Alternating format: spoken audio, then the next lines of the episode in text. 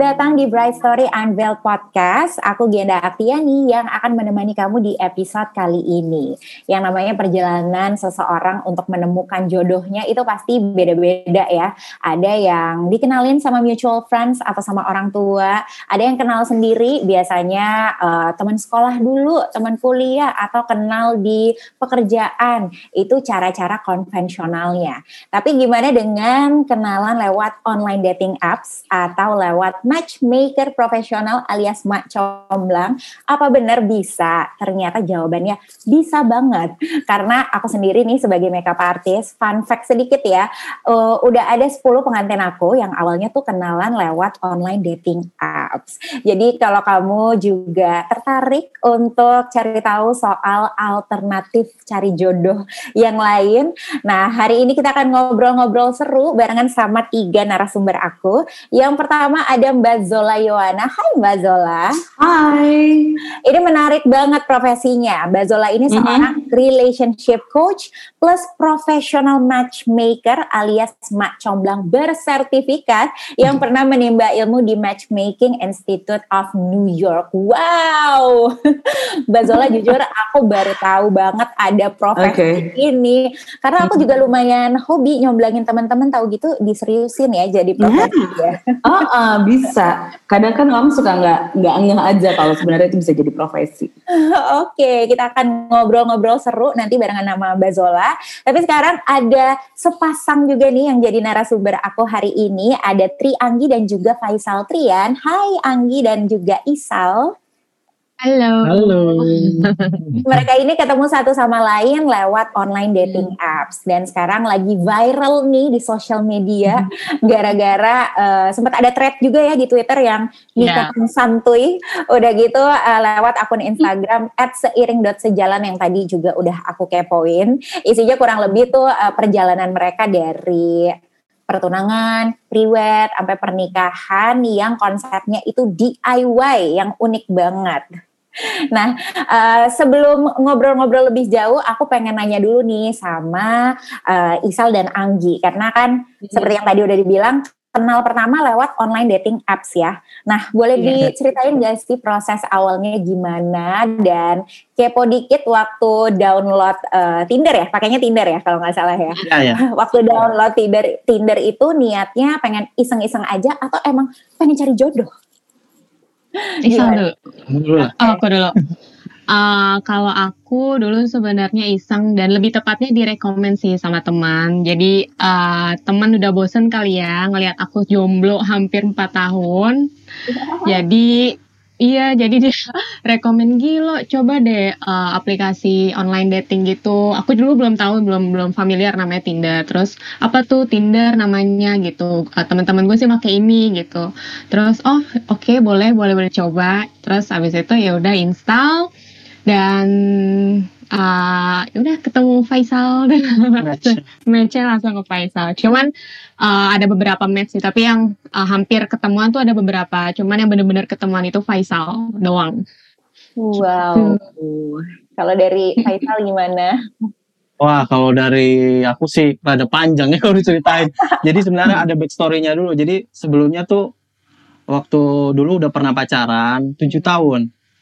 tujuh tahun, cuma akhirnya udah mau nikah juga cuma ternyata si calon aku itu lanjutin kuliah ke luar negeri. Dan tentu saja endingnya dia menikah dengan orang bule. Akhirnya ya udah akhirnya selama tiga tahun setelah udah berhubungan yang pertama itu uh, pacaran lagi. Uh, tiga tahun mau menikah juga. Mau menikah juga tapi ternyata di awal sebenarnya udah tidak disetujui sih sama orang tua wanitanya karena dia bilang uh, saya anak band, jadi nggak boleh. Oh. jadi si orang tuanya bilang nggak boleh uh, punya pacar atau mau nikah sama anak band. Akhirnya ya udahlah, uh, tetap dilanjutin selama tiga tahun. Tapi ternyata pas di tahun ketiga, pas saya mau mau lamaran istilahnya sama keluarga gitu mau datang, akhirnya disudahin saja nggak boleh gitu. Oh. Baru setelah itu tiga tahun kemudian, tiga atau empat tahun uh, udah males kan akhirnya ah, udahlah udah nggak bakal bisa ini udah males ke pacaran lagi sama ada temen cuma temen ini emang biasa lah kalau temen cewek sama cowok kan beda ya kalau cowok pasti uh, emang teman cowok saya ini rada brengsek kali ya. Jadi dia nawarin sal coba aja aplikasi ini Tinder. Terus gue soalnya udah udah sering nih ketemu cewek.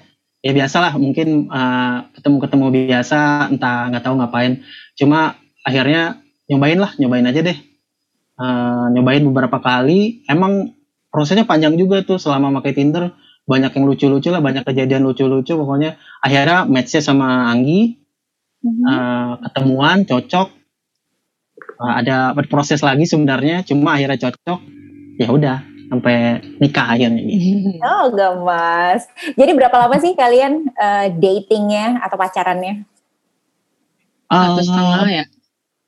Agak oh enggak sih sebenarnya di karena saya udah istilahnya ngebet kali ya. Jadi satu tahun eh satu tahun sebulan setelah setelah pacaran itu uh, pakai Tinder kan kurang lebih kita berapa bulanan ya?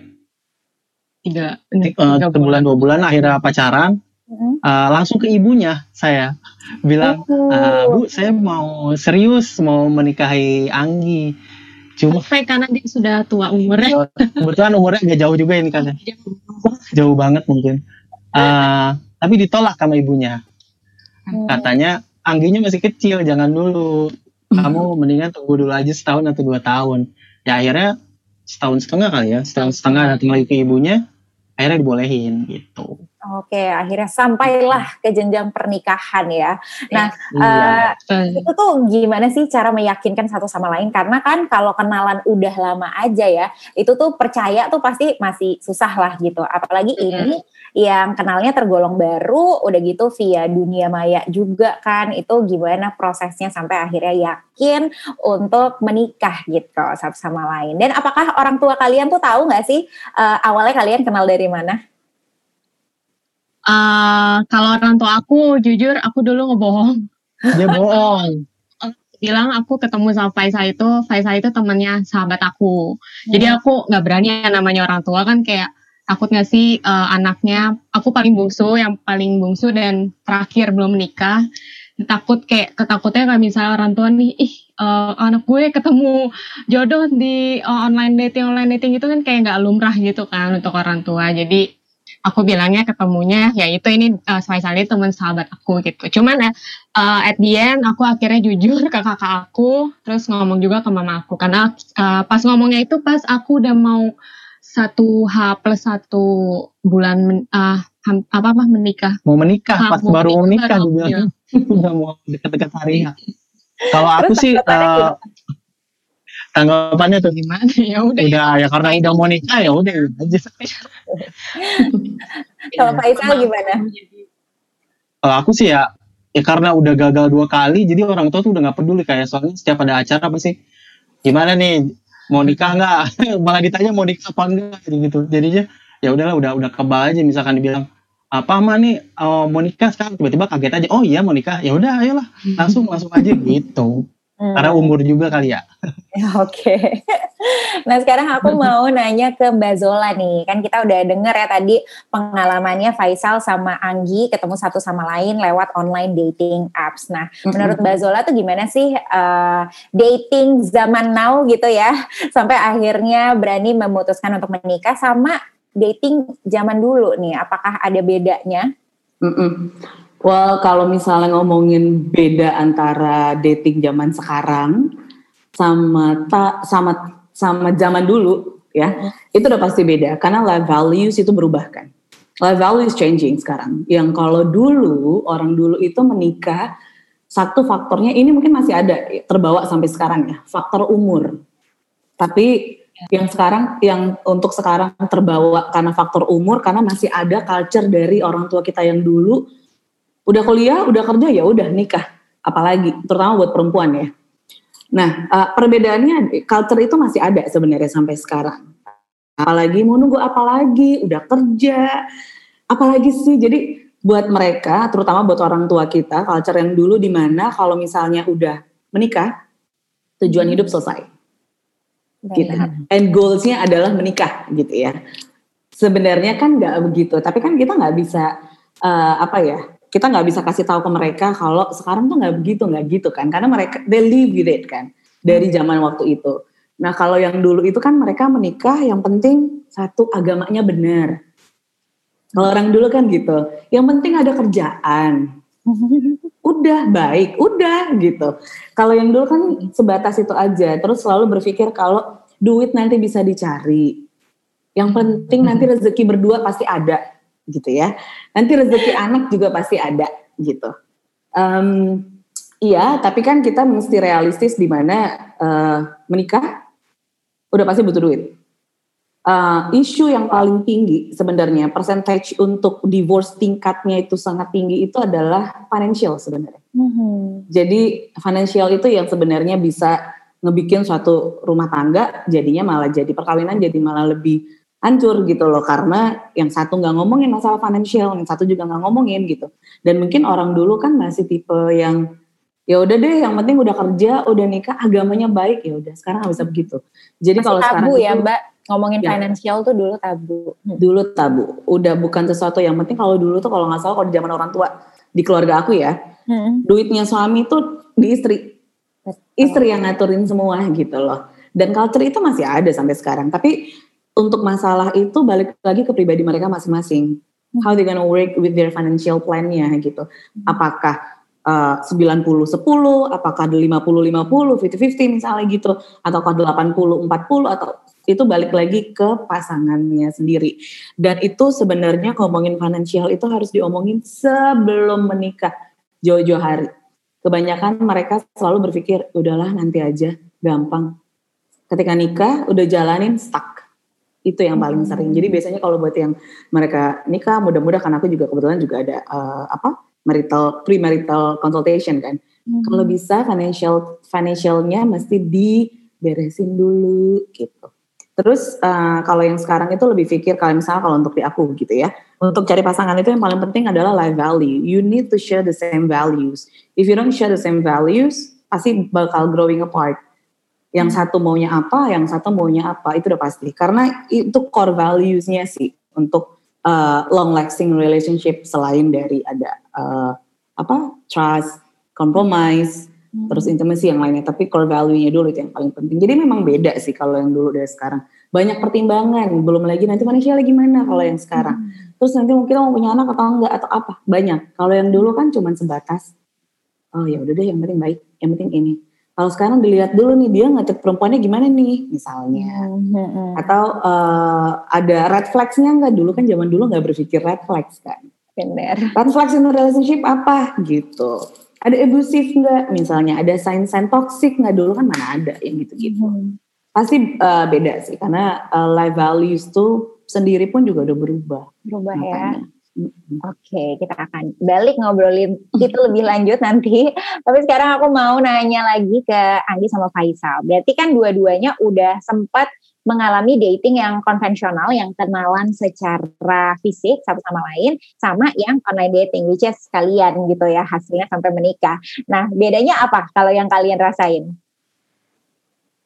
Hmm, kalau menurut aku kalau offline dating itu kan pertama kali ketemu itu lebih ke uh, first impression. Jadi pasti nggak nggak nggak munafik lah. Kita ngelihat pasti uh, apa fisiknya dulu. Kalau kalau offline, kalau offline dating, kalau online itu kan kalau menurut aku lebih personality kan. Kan kita nggak mungkin bisa ngelihat langsung. Jadi lebih ngelihat pasti hobinya apa nih terus umurnya berapa terus interestnya apa. Itu perbedaannya sih. Terus uh, kalau misalnya juga offline dating itu menurut aku kalau dua-duanya sibuk itu kan uh, agak susah untuk tatap muka yang belum nikah atau belum yang belum menikah sih yang jelas itu pasti kan uh, sulit uh, untuk ngatur jadwal.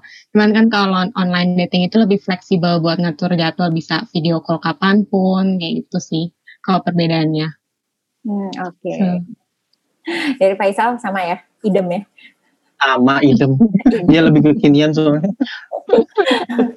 Oke, okay, balik ke Mbak Zola lagi nih. Gimana Mbak Zola ngelihat fenomena online dating apps versus dating konvensional nih? Ya. Uh, apa? Kenapa? Walaupun zaman sekarang gitu ya, tapi kan masih ada nih orang-orang yang tetap pengennya ya gue harus dengan cara konvensional ketemu langsung dulu, nggak bisa lewat online dating apps. Tapi ada juga yang berani, bahkan banyak juga yang sampai menikah. Itu gimana Mbak? Ya, kalau misalnya kita ngomongin masalah uh, dating apps, kalau di aku kan berarti online dan aku offline kan. aku one on one private confidential gitu I'm dealing with my client dulu satu-satu masih tahu dulu personalitinya gimana mm-hmm. profilnya dulu gimana kalau misalnya untuk online itu kan berarti langsung uh, apa ketemu eh, langsung apa uh, screen teks langsung segala macam tapi uh, yang harus dihati-hati adalah scammers fake profile atau mereka minta duit itu kan banyak banget kejadian-kejadian online yang kita nggak bisa kontrol itu gitu loh. Kita nggak nggak nggak pernah tahu behind this behind the kameranya itu siapa gitu. Kayak aku misalnya gitu, aku punya beberapa fake profile in online dating. Wow. Ya, jadi itu memang buat aku untuk ngecek. Dan um, kalau itu itu sebelumnya kalau sekarang memang profile aku sendiri sih gitu. Dan itu kan nggak ada masalah sebenarnya karena kan kayak misalnya dikenalin sama teman konvensional, dikenalin sama saudara, dikenalin sama family misalnya gitu, atau online dating, atau kalau enggak uh, matchmaker using uh, a matchmaker biasanya matchmaker misalnya gitu, hmm. itu semua kan cuma tools untuk single ketemu untuk mencari pasangan yang lainnya gitu, untuk mencari pasangan gitu maksudnya. Jadi uh, justru harusnya harus coba semuanya. Mau coba kalau misalnya memang oke okay nih gue single, terus uh, gue udah dua tahun single, gue udah tiga tahun single gitu. Mana sih kok masih belum belum dapet pacar gitu? Mungkin bisa ditanya ke diri sendiri, what have you done? Hmm. Udah ngapain aja gitu? Udah coba online belum? Atau coba dikenalin nggak? Open up your heart nggak? Gitu kan banyak sebenarnya. Hmm. Cuman yes, online dating is not for everyone. Um, dikenalin sama keluarga juga banyak ada yang nggak mau gitu. Using a matchmaker pun juga is not for everyone. Jadi uh, pakai aja yang memang merasa kitanya nyaman gitu. Karena mau pakai online dating, ya udah make it safety dulu. Misalnya nggak langsung share nomor telepon kalau memang ngerasa nggak nyaman misalnya. Masih bisa chat di sana kan gitu. Mm-hmm. Sebenarnya apa aja sama sih, nggak ada masalah sama sekali. Cuman perbedaannya adalah kalau misalnya dari online dating, yaitu screeningnya lebih dalam karena kita nggak pernah tahu behind kameranya itu siapa. Betul. Intentionnya sama-sama nyari serius atau enggak harus lebih kepo lagi ya Mbak ya hmm, hmm. mesti jadi ini detektif. Betul. Nah harus cari tahu. Mbak Zola kita tertarik banget nih ah. sama profesinya Mbak Zola gitu ya. Hmm. matchmaker profesional. Jujur aku baru dengar dan Mungkin gak sih Mbak Zola ini satu-satunya di Indonesia bisa dibilang gitu nggak? Satu-satunya. Ya, I'm certified matchmaker satu-satunya di Indonesia. Wow.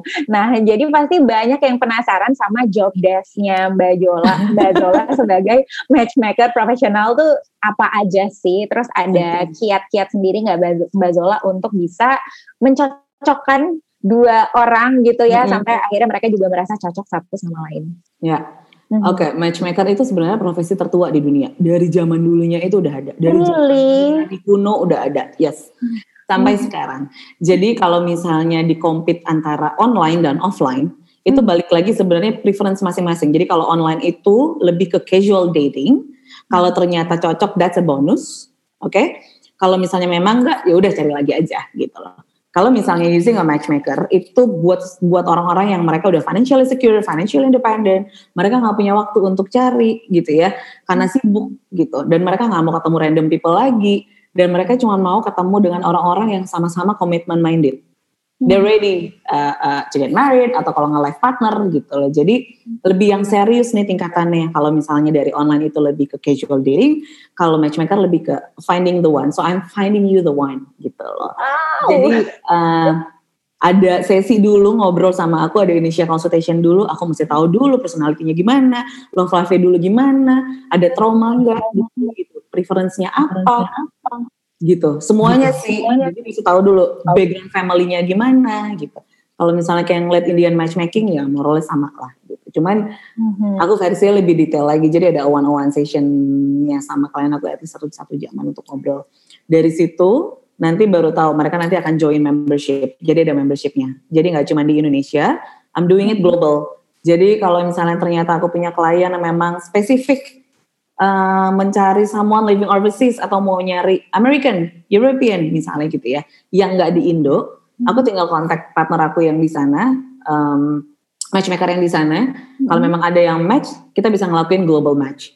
Kalau misalnya sebelum pandemic mereka traveling biasanya gitu. Ah. Tapi kalau situasinya masih pandemic begini, uh -uh. dating. Oke. Okay. Dan yang dikenalin itu udah pasti bukan random people, as a values udah sama pastinya compatible udah pasti yang dicari seperti apa gitu ya let's say misalnya dia value family dan aku mesti match sama orang yang value family juga hmm. kalau dia mau punya anak kamu nggak bisa matching dengan orang yang nggak mau punya anak gitu loh hmm. that's gonna be an issue later jadi uh, aku matchingannya berdasarkan life value, compatibility, similarities, hobi dan lain-lainnya. Tapi yang paling penting adalah personality-nya juga seperti apa gitu. Terus okay. Uh, iya ketemu ngobrol. Jadi kalau lagi ngobrol begini aku bisa tahu oke okay, kayaknya sama yang cocok nih, kayak sama yang cocoknya. Oh my yeah. god, gemes banget. Terus nggak cuman aku matchingin, and then nanti aku set up datingnya di mana. Let's say misalnya ternyata udah ada yang match gitu ya. Hmm. Aku set up datingnya di mana? Di, let's say misalnya di satu cafe nggak terlalu ramai, nggak terlalu berisik. Mereka cuman build chemistry-nya aja udah, karena mereka udah lihat profilnya sebelumnya. Jadi aku exchange profilnya. Jadi let's say misalnya dirimu single, terus aku punya someone yang single, uh, kamu bisa lihat profil dia, bisa lihat profil kamu. Tapi kayak last name, uh, uh, tinggal di mana, nomor telepon segala macam itu enggak, enggak di share karena confidential. hmm Jadi mereka nggak bisa googling dulu sebelum ketemu, kayak online bisa googling kan. Ini iya iya iya. iya. Jadi oh. purely kenalin dulu personality-nya gimana, getting to know each other in a deeper level dulu gitu. hmm Nanti baru aku set up first day. Um, dan the next day aku telepon mereka, aku nanya how was your day? Kalau dia bilang, ah kayaknya enggak deh, kayaknya kurang cocok atau gimana, yaudah kita kita cari yang lain. Tapi kalau ternyata I don't mind to see him again and he doesn't mind to see you again misalnya gitu ya, mm-hmm. kita bisa set up second date dengan orang yang sama. Jadi fokus dulu dengan satu orang. Dan nanti oh, aku coach okay. untuk how to maintain the relationshipnya gimana. Karena kan kebanyakan orang mereka cuma tahu, oke okay, gue single, terus gue punya punya pasangan, itu udah pacaran, then what? Maintain relationship itu yang gak gampang sebenarnya. Setelah satu hmm. tahun, dua tahun, kok bosen, mau ngapain lagi, mau gimana gitu. Oke. Okay. Ya. That actually menjawab pertanyaan aku selanjutnya sih. Maksudnya dengan kamu udah tahu kalau mereka kompatibel dari life value, mm -hmm. apa, hobi dan segala macam. Mm -hmm. Tapi ternyata ya namanya manusia juga tetap ada aja ya yang pas udah ketemu uh, uh. kurang Kayaknya gitu. enggak deh gitu. Jadinya kalau misalnya dibalikin lagi ya ke mereka kalau emang mereka mau coba lagi untuk mm. second date boleh atau ya. opsi langsung cariin yang lain gitu ya. Ya, biasanya aku kan nanya. Aku pasti nanya feedbacknya untuk dua belah pihak, kedua-duanya ke ceweknya juga, ke cowoknya juga. So at least they can improve themselves in a love life-nya juga gitu Let's say misalnya pas dating nggak terlalu suka soalnya dia mau ngomong mulu gitu. Kayaknya mau hmm. kayaknya self center misalnya. Jadi kalau misalnya uh, udah ketemu dengan tiga orang dan komennya sama, ya berarti ada sesuatu yang mungkin harus diimprove. Ya oke, okay. hmm. wow ternyata hmm, cari jodoh dengan bantuan matchmaker profesional juga nggak semudah itu ya Mbak ya. Apalagi online dating juga pasti ada lagi gitu trik-triknya hmm. tersendiri. Nah kalau Anggi sama Isal bisa share tips gimana sih uh, tips-tips untuk online dating karena kan seperti yang tadi Mbak Zola bilang ada banyak scam sekarang sempat ada yang viral juga kemarin gitu gara-gara online dating apps terus jadi kena tipu atau yang amit-amit terjadi deh itu gimana kalian tipsnya? Uh, kalau dari aku sih kebetulan kalau masalah yang fake fake itu sih kebetulan ada beberapa pengalaman ya kayak hmm. misalkan pernah tuh waktu itu ternyata si ceweknya itu malah nawarin MLM terus ada juga yang tiba-tiba dia udah minta nomor buat chat uh, lewat WhatsApp gitu dia malah minjem duit pernah juga. Ya kan? Terus yang yang yang paling parah sih waktu itu pernah sekali itu uh, saya tertipu sih cuma uh, nggak nggak tertipu secara langsung ini diceritain nggak apa-apa ya? Ya nggak apa-apa. Ceritain. Uh, jadi uh, udah sempat udah match gitu, terus sama cewek itu udah terlewat sampai minta nomor WhatsApp, udah ngobrol-ngobrol, akhirnya ketemuan nih.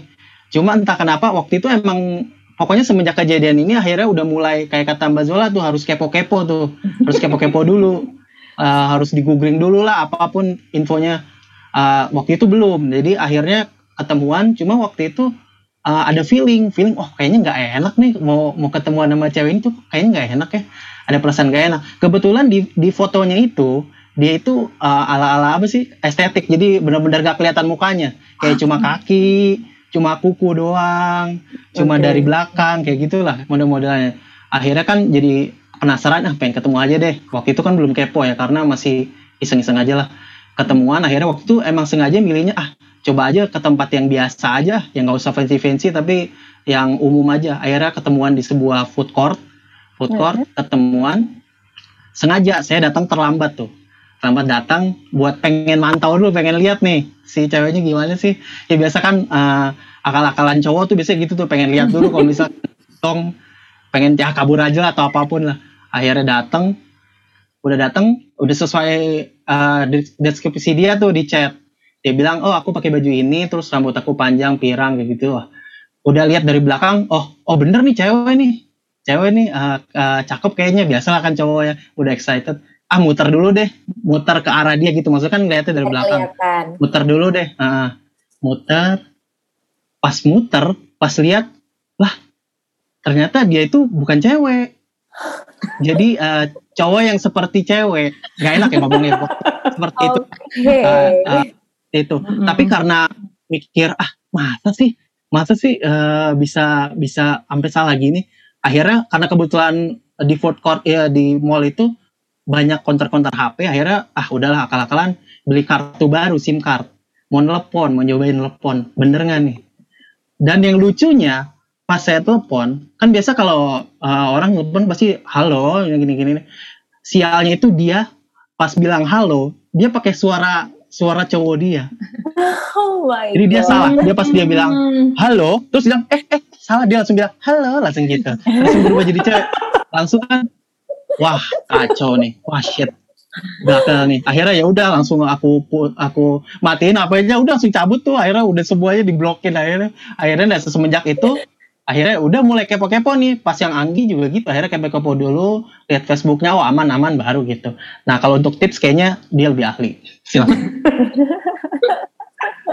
Kalau menurut aku tips and trick buat online dating itu yang pertama bener sih kayak ta- kata Mbak Zola itu kepo harus bener-bener kepo dulu do your research gitu Mhm. karena jejak digital itu nggak akan pernah hilang. Mhm. Aku awal ketemu uh, match sama Faisal itu aku nge-search di Instagram, di Facebook, di Twitter nih kayak gimana nih orangnya kan biasanya kelihatan. Mhm. Pokoknya research yang penting itu terpenting. Yang kedua, uh, kalau udah mantep buat ketemuan nih, uh, make sure kamu ketemuannya di public place kalau bisa. Ja- Jadi orang-orang kalau uh, in case ada apa-apa, uh, seenggaknya ada sekeliling orang yang bisa diminta tolong gitu. Terus uh, habis itu uh, make sure juga uh, ngasih tahu kerabat terdekat kamu nih kalau misalnya uh, ketemuan eh gue mau ketemuan sama ini di tempat ini dan estimasi kira-kira pulangnya jam berapa. Jadi uh, balik lagi kalau ada apa-apa itu nanti uh, seenggaknya kerabat kamu uh, tahu itu kamu kamu di mana lagi sama siapa gitu. Terus uh, yang uh, yang terakhir sih kalau aku uh, jangan pernah mau diajak pulang bareng untuk pertama pertama kali ketemu. Waktu aku pertama kali ketemu sama Faisal pun dia udah ngajak bar uh, ngajak pulang bareng terus aku mau dianterin cuma Nggak. mau dia akhirnya pakai ojol ya Jadi uh, sebaik apa pun itu, eh, sebaik apa pun orang yang kamu pertama kali ketemuin, jangan mau diajak pulang uh, apa pulang langsung gitu, pulang bareng untuk pertama kali itu sih. Oke, dicatat tuh ya yang lagi dengerin sekarang. nah terakhir aku mau nanya ke Mbak Zola karena mungkin nih Mhm. sekarang yang lagi dengerin ada jombloan dan jomblowati yang bertanya-tanya apakah aku jangan-jangan butuh li, eh, butuh nih jasa matchmaker profesional. Nah kalau menurut Mbak Mhm. Zola apa sih eh, indikasi kalau kamu tuh udah butuh bantuan matchmaker profesional gitu dan apakah ada jaminan untuk menemukan the one seperti yang tadi Mbak Zola bilang. Mm-mm. Ya, kalau misalnya kayak tadi aku bilang, kalau misalnya kamu udah serius untuk nyari the one, ya, udah memang mau nyari uh, serious relationship, terus nggak mau ketemu dengan random people lagi, capek trial and error with online dating, circle-nya makin lama makin sempit. Biasanya kita makin makin usia, circle-nya makin lama makin kecil kan. Temennya itu lagi, itu lagi, itu lagi gitu. Padahal sebenarnya singles out there itu banyak banget. Cuman mungkin gak ketemu aja, belum ketemu gitu loh. Terus financially secure udah pasti ya. Tapi memang kalau misalnya di aku eh, itu aku screening lagi. Jadi nggak semua yang memang mereka register di aku, aku akan jadiin mereka klien. Di sesi ketemu screening pertama yang initial consultation itu aku baru tahu whether you're qualified to become a Harding member atau enggak. Karena yang di Harding itu semuanya yang quality semua. It's a quality uh, people yang memang mereka nggak ada hidden agenda, terus udah gitu uh, nggak yang terlalu demanding, mengerti kalau mencari pasangan itu butuh waktu dan butuh proses hmm. gitu. The real high quality jomblo ya Mbak. Iya. Terus uh, ya itu sih memang memang waktunya sem waktu nggak uh, sibuk nggak punya waktu sama sekali gitu. Jadi if you think that oh iya kayaknya udah waktunya deh untuk nyari pasangan, then you welcome bisa langsung ke website kok untuk register. Ya oke. Okay. Mm-hmm. Kalau soal jaminan mah balik ke diri masing-masing lagi. Nah, ya. Kalau misalnya untuk guarantee uh, there is no guarantee in life kecuali kita bayar pajak Tapi udah pasti yang dikenalin itu sesuai dengan uh, your kriteria mm-hmm. yang sesuai dengan yang kamu butuhin gitu. I'm not looking for someone that you want, but I'm looking for someone that you need actually in your life. Oke, okay. langsung nih yang dengerin pengen tahu website-nya di mana gitu ya. Uh, uh, kayak tadi kalau misalnya nggak tahu silahkan Google Zola Yuana, silahkan Google yang lain lain. Silahkan semua langsung jadi top search nih Zola Yuana. Oke, okay.